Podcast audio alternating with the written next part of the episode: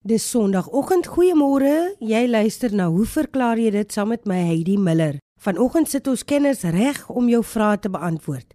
Hulle is Dave Peppler, ekoloog, Yuri van den Heever, paleontoloog en Hendrik Geier, teoretiese fisikus. Dave se gesprek vanoggend gaan oor die ineenstorting van biodiversiteit op aarde. Dag sê hy die eh, kollegas en luisteraars. Lena Markgraaf van Ekopo haal my aan en gesê in 'n vorige program het ek gesê dat indien die aarde vernietig sal word in terme van biodiversiteit sal die lewe voortgaan, maar dit gaan nie lyk soos ons dit ken nie. En ek wil graag uh, dan net uh, vir haar antwoord na aanleiding van 'n verslag wat verskyn het. Op die 6de Mei verskyn van die International Union for the Conservation of Nature 'n ellelange verslag met die naam van the Summary of Policymakers of Global Assessment Report on the Biodiversity and Ecosystem Services of the Earth. Van ons uh, eie Stellenbosch mede-kollegas was bywerkers daar. Ehm um, so dis is 'n hoë vlak verslag oor hoe die aarde nou lyk. Nou die sleutelboodskappe wat wat vervang is. Dis 'n baie bondige verslag en ek sal dit miskien sommer op my Facebook plaas dat luisteraars daarna kan kyk. Is die volgende: Die natuur en sy bydraes tot die welstand van die mens versleg wêreldwyd. Met ander woorde, die natuur as gewer van gawes is besig om baie vinnig te verswak. Tweedens, die natuur sê hulle is noodsaaklik uh, vir menslike bestaan uh, in terme van van lewenskwaliteit en is onvervangbaar. Ons moenie dink dat ons die natuur kan verplaas na Mars toe soos Elon Musk wil doen en daar dieselfde uh, tipe van omgang met die natuur gaan hê nie. Dit gaan hiper kunsmatig wees. Ons gaan nie daai sin van verwondering hê nie. Die dienste is oneweredig versprei. Natuurlik, daar is nie water in die Sahara nie. Ehm um, en daar is ook byvoorbeeld nou die oorvloedige vrugte in Jemen nie. Met ander woorde, hierdie dienste is onevenredig versprei en dan dit impakteer natuurlik op die mense wat in kontak kom met hierdie dienste. Sedert 1970, ek praat altyd van sedert 1950, ons moet nou begin praat van 1970. Het landbou, visvang, uh, die oes van materiaal, die ontginning van koolwaterstowwe die hoogte ingeskiet met 'n baie negatiewe uitwerking op biodiversiteit. En ek kom later net vinnig terug na wat dit wat biodiversiteit eintlik is. Ons praat so maklik daarvan. En al sedert 1970 was al hierdie negatiewe sogenaamde drywers deur die mens veroorsaak. So, ons uh, weet van van uitsterwings wêreldwyd ensovoort. Nie net die natuurlike voorkoms van plante word bedreig nie, maar selfs die plante en diere wat die mens mak gemaak het. Die variëteite van aardappels, die ou aardappels. Ek was onlangs in in Chili. In 'n mark kan jy 12, 13, 14 soorte aardappels koop want dit aardappel kom uit die berge uit. 'n Kookaardappel, 'n chipaardappel, een wat jy na jou skoonmaag gooi, 'n hoenderrasse, skaaprasse, beesrasse. Dit is besig om vinnig te verdwyn, geharde rasse wat wat ons geneties kan gebruik om te oorleef. Nog erger is dat menslike verandering van die omgewing stimuleer ook versnelde evolusie van pestplante en byvoorbeeld van siektes. Ons weet hoe vinnig ehm um, siektes soos soos uh, griep deesdae ontwikkel. Iemand nuus op jou in Hong Kong en die volgende dag as jy Johannesburg, jy nuus op iemand wat op pad New York toe is. En binne 'n dag trek hierdie kieme om die wêreld kom in aanraking met ander forme en so ontwikkel nuwe siektes en virulente siektes baie vinnig. So, die afgelope 50 jaar was krities met hierdie aantal drywers wat die klimaat laat verander het, wat wat besoedeling teweeggebring het. Skielik weet ons almal van plastiekbesoedeling en hoe dit elke voedselketting binne gedring het. Die afgelope 50 jaar het die menslike bevolking verdubbel. Die wêreldekonomie het vervierdubbel Die globale handel het vertiendubbel en dit impakteer natuurlik op die gebruik van natuurlike hulpbronne en ook die opwek van energie. Die druk op ons inheemse gemeenskappe raak ook al hoe groter. Ons praat van die oorblywende San, ons praat van die Mapuche Indiane van Suid-Amerika um, en Eskimos. Hulle hulle kulture word vernietig deur menslike inwerking op die natuur. Wat moet ons doen om vorentoe te gaan? Ongelukkig is daar slegs een manier en dit is deur menslike samewerking. Ons moet aanhou beklei vir internasionale verdragte. Ons moet kinders bewus maak. Ons moet werk met kinders. Hoekom is dit belangrik? Ons moet habitat onthou. Ons moet habitat onderhou wat ons as mense onderhou. Ons moet bestuivers in die natuur uh, beskerm sodat hulle vir ons kan kos produseer. Ons moet lugkwaliteit beheer. Ons weet in groot stede soos Delhi waar ek onlangs was, dat jy letterlik nie kan asemhaal of sien nie. Ons moet klimaatreguleringsorganismes in die natuur ernstig beskerm. Ons moet ons grond beskerm. Ons moet ons energiebronne beskerm, voedsel en so is daar 'n eindelose lys. Dink daaraan dat meeste van die medisyne wat ons vandag het, kom uit die natuur en ons weet daar is onontdekte wonderkure wat wag om ontdek te word. Ek wil graag afsluit met 'n verkenning van biodiversiteit. 10 of 15 jaar gelede is van die voorste ekoloë gevra wat is biodiversiteit. Etlus, baie bekende man, het gesê dis die aantal spesies op aarde. Jansen het gesê dis die pakket van gene, bevolkings en die interaksie tussen hulle wat uh, biodiversiteit behels.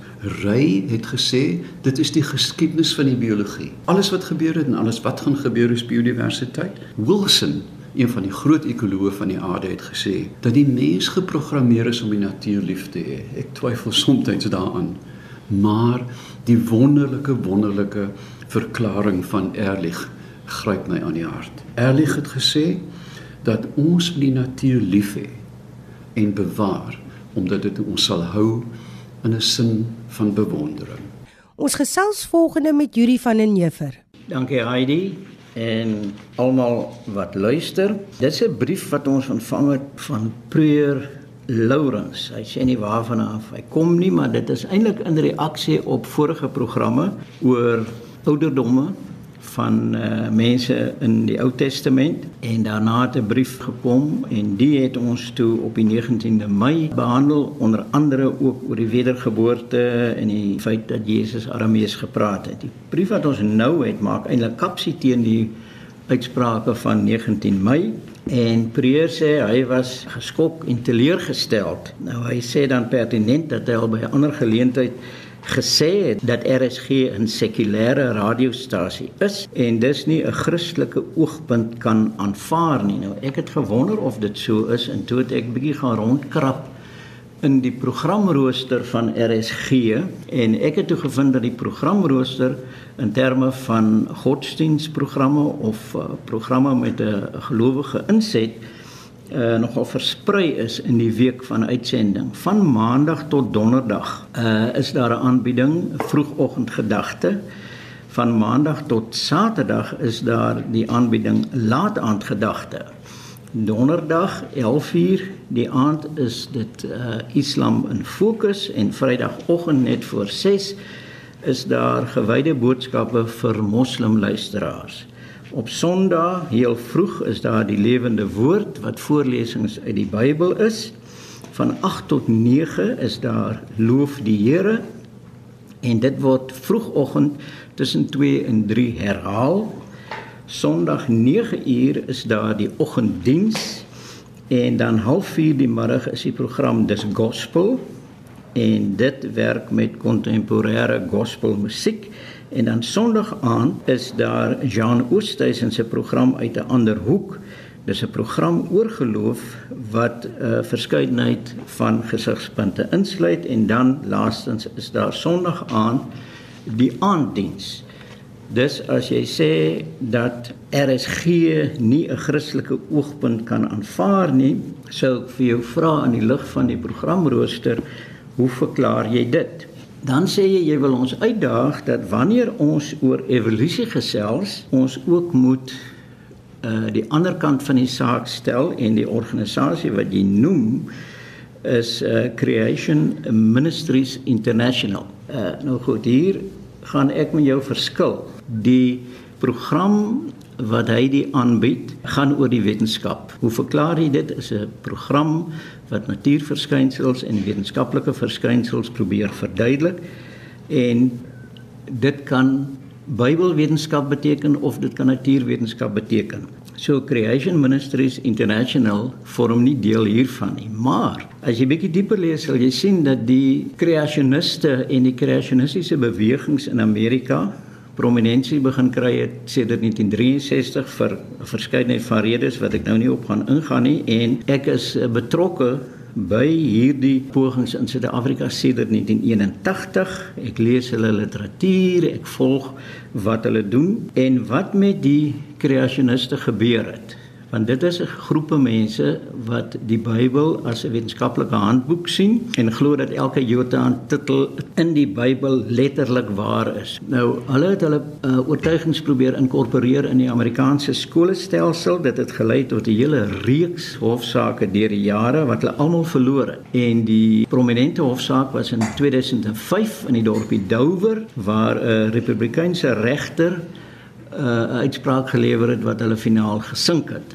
Uh en die rede was dat van die uh mense wat moet getuienis gelewer het oor kreasionisme en dan die uitloper daarvan die sogenaamde intelligente ontwerp is uiteindelik onder eed met die waarheid gekonfronteer en hulle het ineengestort. Hulle groot guru Michael B moes erken dat hy verkeerd was en sy medegetuienis het soos mis voor die son verdwyn. Hulle wou nie getuig het nie op wetenskaplike grond het dit dieselfde gegaan. Jy reken evolusie is geloof, dit is nie. Daar's miljoene publikasies uit verskillende velde wat aantoon dat evolusie 'n proses in die natuur is wat werklik plaasvind.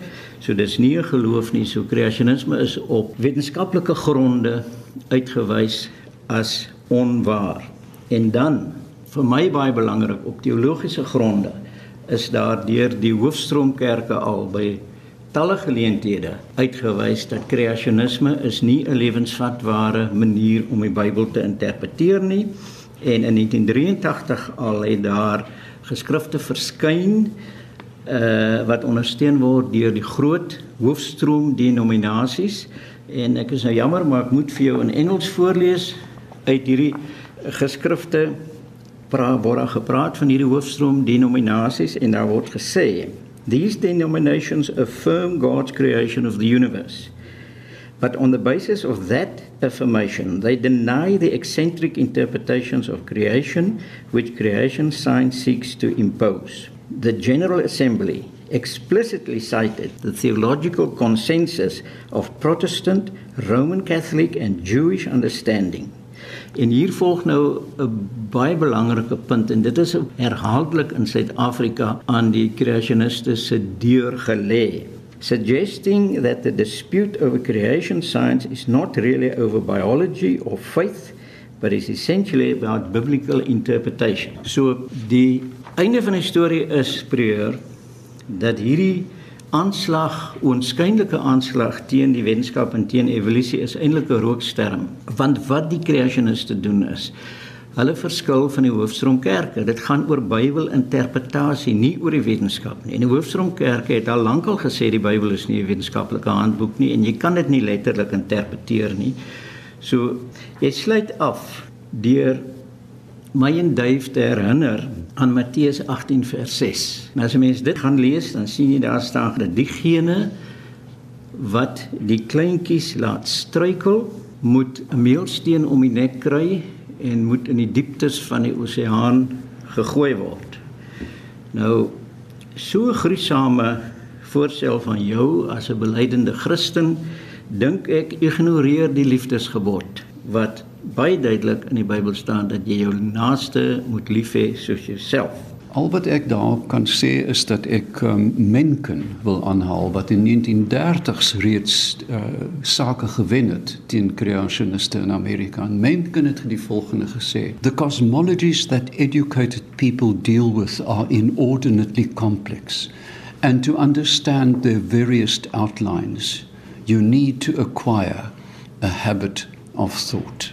Dankie Yuri van den Heever. Ons gesels verder met Hendrik Geier. Sy vraag handel oor die soek engine Google en hoe dit werk. Môre, hy die kollegas, luisteraars. Ja, ek dink dit was seker 'n kwessie van tyd voordat hierdie vraag by ons uitgekom het want almal weet deesdae van Google al vir 'n lang tyd. En die vraag spesifiek kom van Pieter Maree van Vereniging. Uh, hy stel dit so: Hoe kan my slimfoon in hakies Google soms nog voor ek 'n vraag klaar gevra het al met die korrekte antwoord begin? Uh, Hy sê is dit nie vinniger as die spoed van lig nie. En dan voeg hy by ek ek kon ook nog nie 'n bevredigende verduideliking kry as 'n leek van wat die internet nou eintlik is nie. Nou hierdie is 'n vraag wat 'n mens lank kan besig hou, Heidi. Wat 'n mens weet van hoe Google doen en regkry wat hulle doen, is nooit die volle verhaal nie, want hulle het sekere protokolle wat hulle nie met die wêreld deel oor hoe hulle inligting insamel, orden en versprei nie, maar 'n mens kan daarom 'n paar algemene dinge uh, sê oor hoe die proses plaasvind. Maar miskien moet ek daarom net iets kortliks sê oor Pieter se vraag oor oor wat die internet nou eintlik behels. Nou ek neem aan 'n mens kan 'n hele klomp analogieë mee vorendag kom. Een wat ek sommer self aan gedink het is om te sê 'n mens kan aan die internet dink as 'n versameling van aaneengeskakelde privaat biblioteke. So enige persoon kan 'n privaat biblioteek hê met boeke in. En die ekwivalent in die geval van die internet is nou om 'n stelsel te kry waar enige iemand toegang tot al hierdie biblioteke het. Nou kan jy jou indink in die ou dae as 'n mens na 'n enkele biblioteek gegaan het en wou weet watter boeke nommer 1 oor 'n spesifieke onderwerp beskikbaar is en waar jy so 'n boek in die hande kon kry, jy na die kaartjie indeks gegaan en onder 'n spesifieke onderwerp gaan soek of onder 'n outeur. So daai inligting was georden en met die inligting kon jy na die boekrak stap en jou boek gaan kry of ten minste tussen 'n groepie boeke gaan soek. Die internet werk eintlik op 'n soortgelyke manier. So enige persoon of instansie kan 'n sogenaamde webbladsy daarstel. Dit is nou die ekwivalent van jou eie biblioteek en jy kan inligting daar tentoonstel wat jy met die wêreld wil deel. Uh en wat soek engines soos Google en ander wat ook bestaan nou reg kry is om hierdie inligting te sistematiseer op so 'n manier dat as jy sleutelwoorde in hulle eie omgewing intik, daardie indeks nagegaan kan word en jy nou na spesifieke bronne van daardie inligting verwys kan word. Natuurlik is al hierdie sogenaamde webbladsye nie ewe toeganklik nie. Sommige word spesifiek so opgestel dat dit net toeganklik is vir diegene wat een of ander subskripsie betaal of een of ander toegangskode woord het. Uh, Daar's baie variasies op die tema, maar min of meer het ons hier te maak met 'n reeks aaneengeskakelde bronne van inligting en wat 'n soek engine soos Google regkry is om al daardie inligting so te sistematiseer dat hulle binne 'n baie kort tydjie sleutelwoorde kan herken wat jy intik in daardie soek engine en jou kan verwys na die punt waar jy daai inligting kan kry. Nou hoe doen hulle dit? Hulle gebruik is sogenaamde webkruipers of spinnekoppe. Ehm um, terloops al hierdie goed uh, weet ek nie of hulle al geafrikaans standaardiseer is nie, so ek improviseer maar soos wat ons hier aangaan. Maar wat hierdie goed doen is om eintlik deur die web rond te kruip en alle nuwe bladsye na te gaan en die inligting af te laai wat dan uiteindelik vir sistematisering binne Google se eie omgewing aangebied word. Afhangende van hoe dikwels 'n spesifieke omgewing reeds besoek is, hoe oud die inligting is en dis meer al daardie inligting word deur hierdie sogenaamde webkruipers in Engels praat mense van web crawlers uh ingespan om net eenvoudig inligting uh te versamel. Die soek engine sou nie baie effektief gewees het as daardie rou data die enigste bron was wat nou verder gebruik word nie, want as 'n mens tipies met bestaande algoritmes in 'n omgewing waar daar sê maar en stukke inligting is, een stuk inligting gaan soek, dan net 'n mens tipies en probeer slaan nodig om 'n spesifieke ding wat jy nou spesifiseer in die hande te kry. So dit beteken as daar twee keer soveel items is wat jy moet deursoek, gaan dit jou twee keer so lank vat. Dis wat 'n mens bedoel dat skaal soos die hoeveelheid inligting. Uh, hier kan ek terloops 'n interessante opmerking maak, naamlik dat toe die idee van kwantumrekenaars na vore gekom het, een van die sleutelresultate van vroeg was dat iemand agtergekom het as daar 'n kwantumrekenaar is, kan jy soekprogramme daarstel waar die soekproses nie skaal met die hoeveelheid nie, maar net met die vierkantswortel van die hoeveelheid. Dit wil sê 'n baie vinniger proses. Nou ons het nog nie sulke algemene kwantumrekenaars nie, maar dis iets vir die toekoms. Ehm um, hoe ook al wat Google nou spesiaal maak is dat hulle 'n manier gekry het om die inligting te indekseer. Met ander woorde, hulle kan die inligting verder verwerk deur sommige nie belangrike tipies woorde, al die voegwoorde net eenvoudig uit te laat te konsentreer sê maar tipies op die naamwoorde of die werkwoorde. En op hierdie manier bou hulle 'n nou sogenaamde indeks op. Nou daar is allerlei verdere detail waarvan ons nie al die inligting het nie oor hoe hulle dit nou regkry om daardie indekse sistematies deur te soek. Een van die dinge wat definitief ter sprake is, is dat hulle parallelle prosesering oor verskillende rekenaars gebruik wat die proses aanhelp en vinniger maak. En jy kan jou nou voorstel dit word nou 'n kwessie van dat mense natuurlik hulle eie ware of wat hulle te koop wil aanbied of net inligting wat hulle met die wêreld wil deel vir watter rede ook al dit so goed as moontlik wil doen. So in die vroeë dae het baie werk daarin gegaan om jou webbladsy so sigbaar as moontlik te maak. Dit het selfs ontaard daarin dat sogenaamde skakelplase geskep is. Dit is kunsmatig net webbladsye wat geskep is om met jou bladsy te kommunikeer of wat na jou bladsy verwys want een van die maniere waarop Google nou uiteindelik as hulle kom ons sê nou maar uh, inligting oor sjokoladekoek resepte wil orden want daar's baie mense wat sjokoladekoek resepte op die internet wil plaas uh, vir wie vir watter rede ook al nou moet hulle besluit watter een gaan nou bo aan verskyn.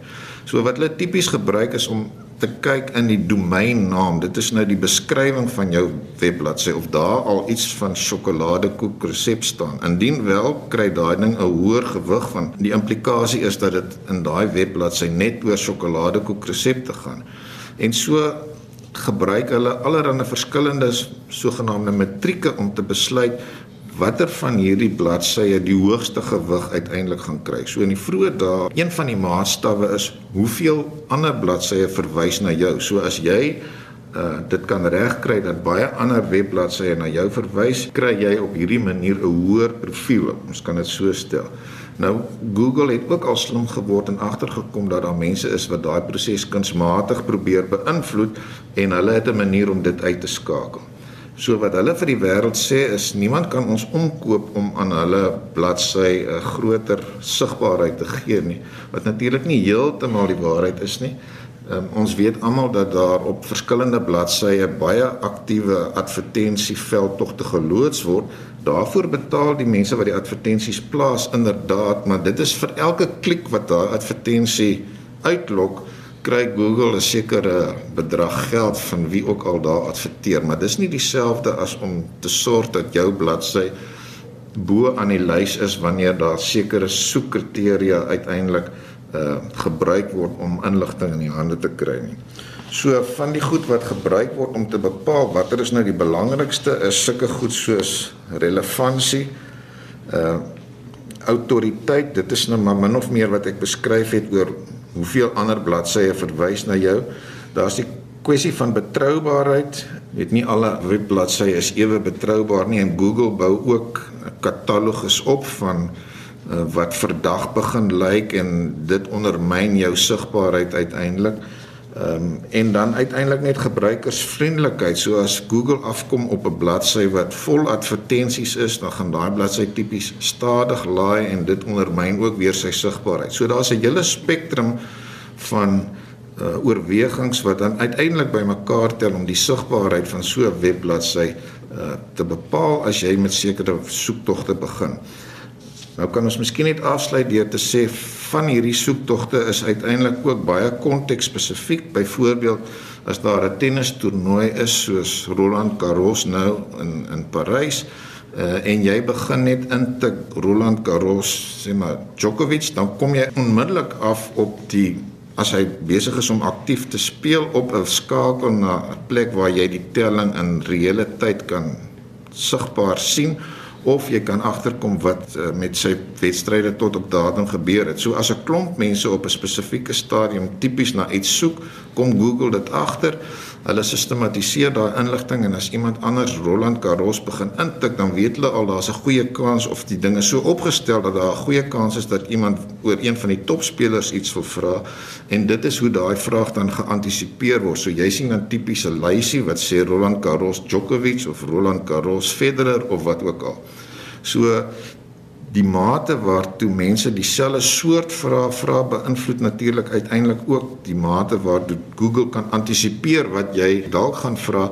En dis hoekom dit vir jou lyk uh Pieter of Google eintlik jou gedagtes kan lees maar kan jy verseker daar's niks wat hier vinniger as lig propageer nie. Uh, dit is blote antisipasie en ordening van inligting. uh op maniere waarvan hulle die fynste detail nie met die wêreld deel nie, maar ons is almal bewus daarvan dat dit besonder effektief is. Pieter Maree, ek hoop jy's baie gelukkig met daardie antwoord. Baie dankie aan ons gaste Yuri van den Heever, Dave Peppler en Hendrik Geier.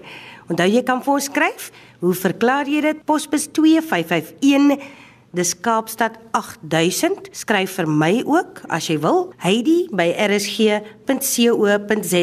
H A I D E E. Ons groet tot aanstaande Sondag.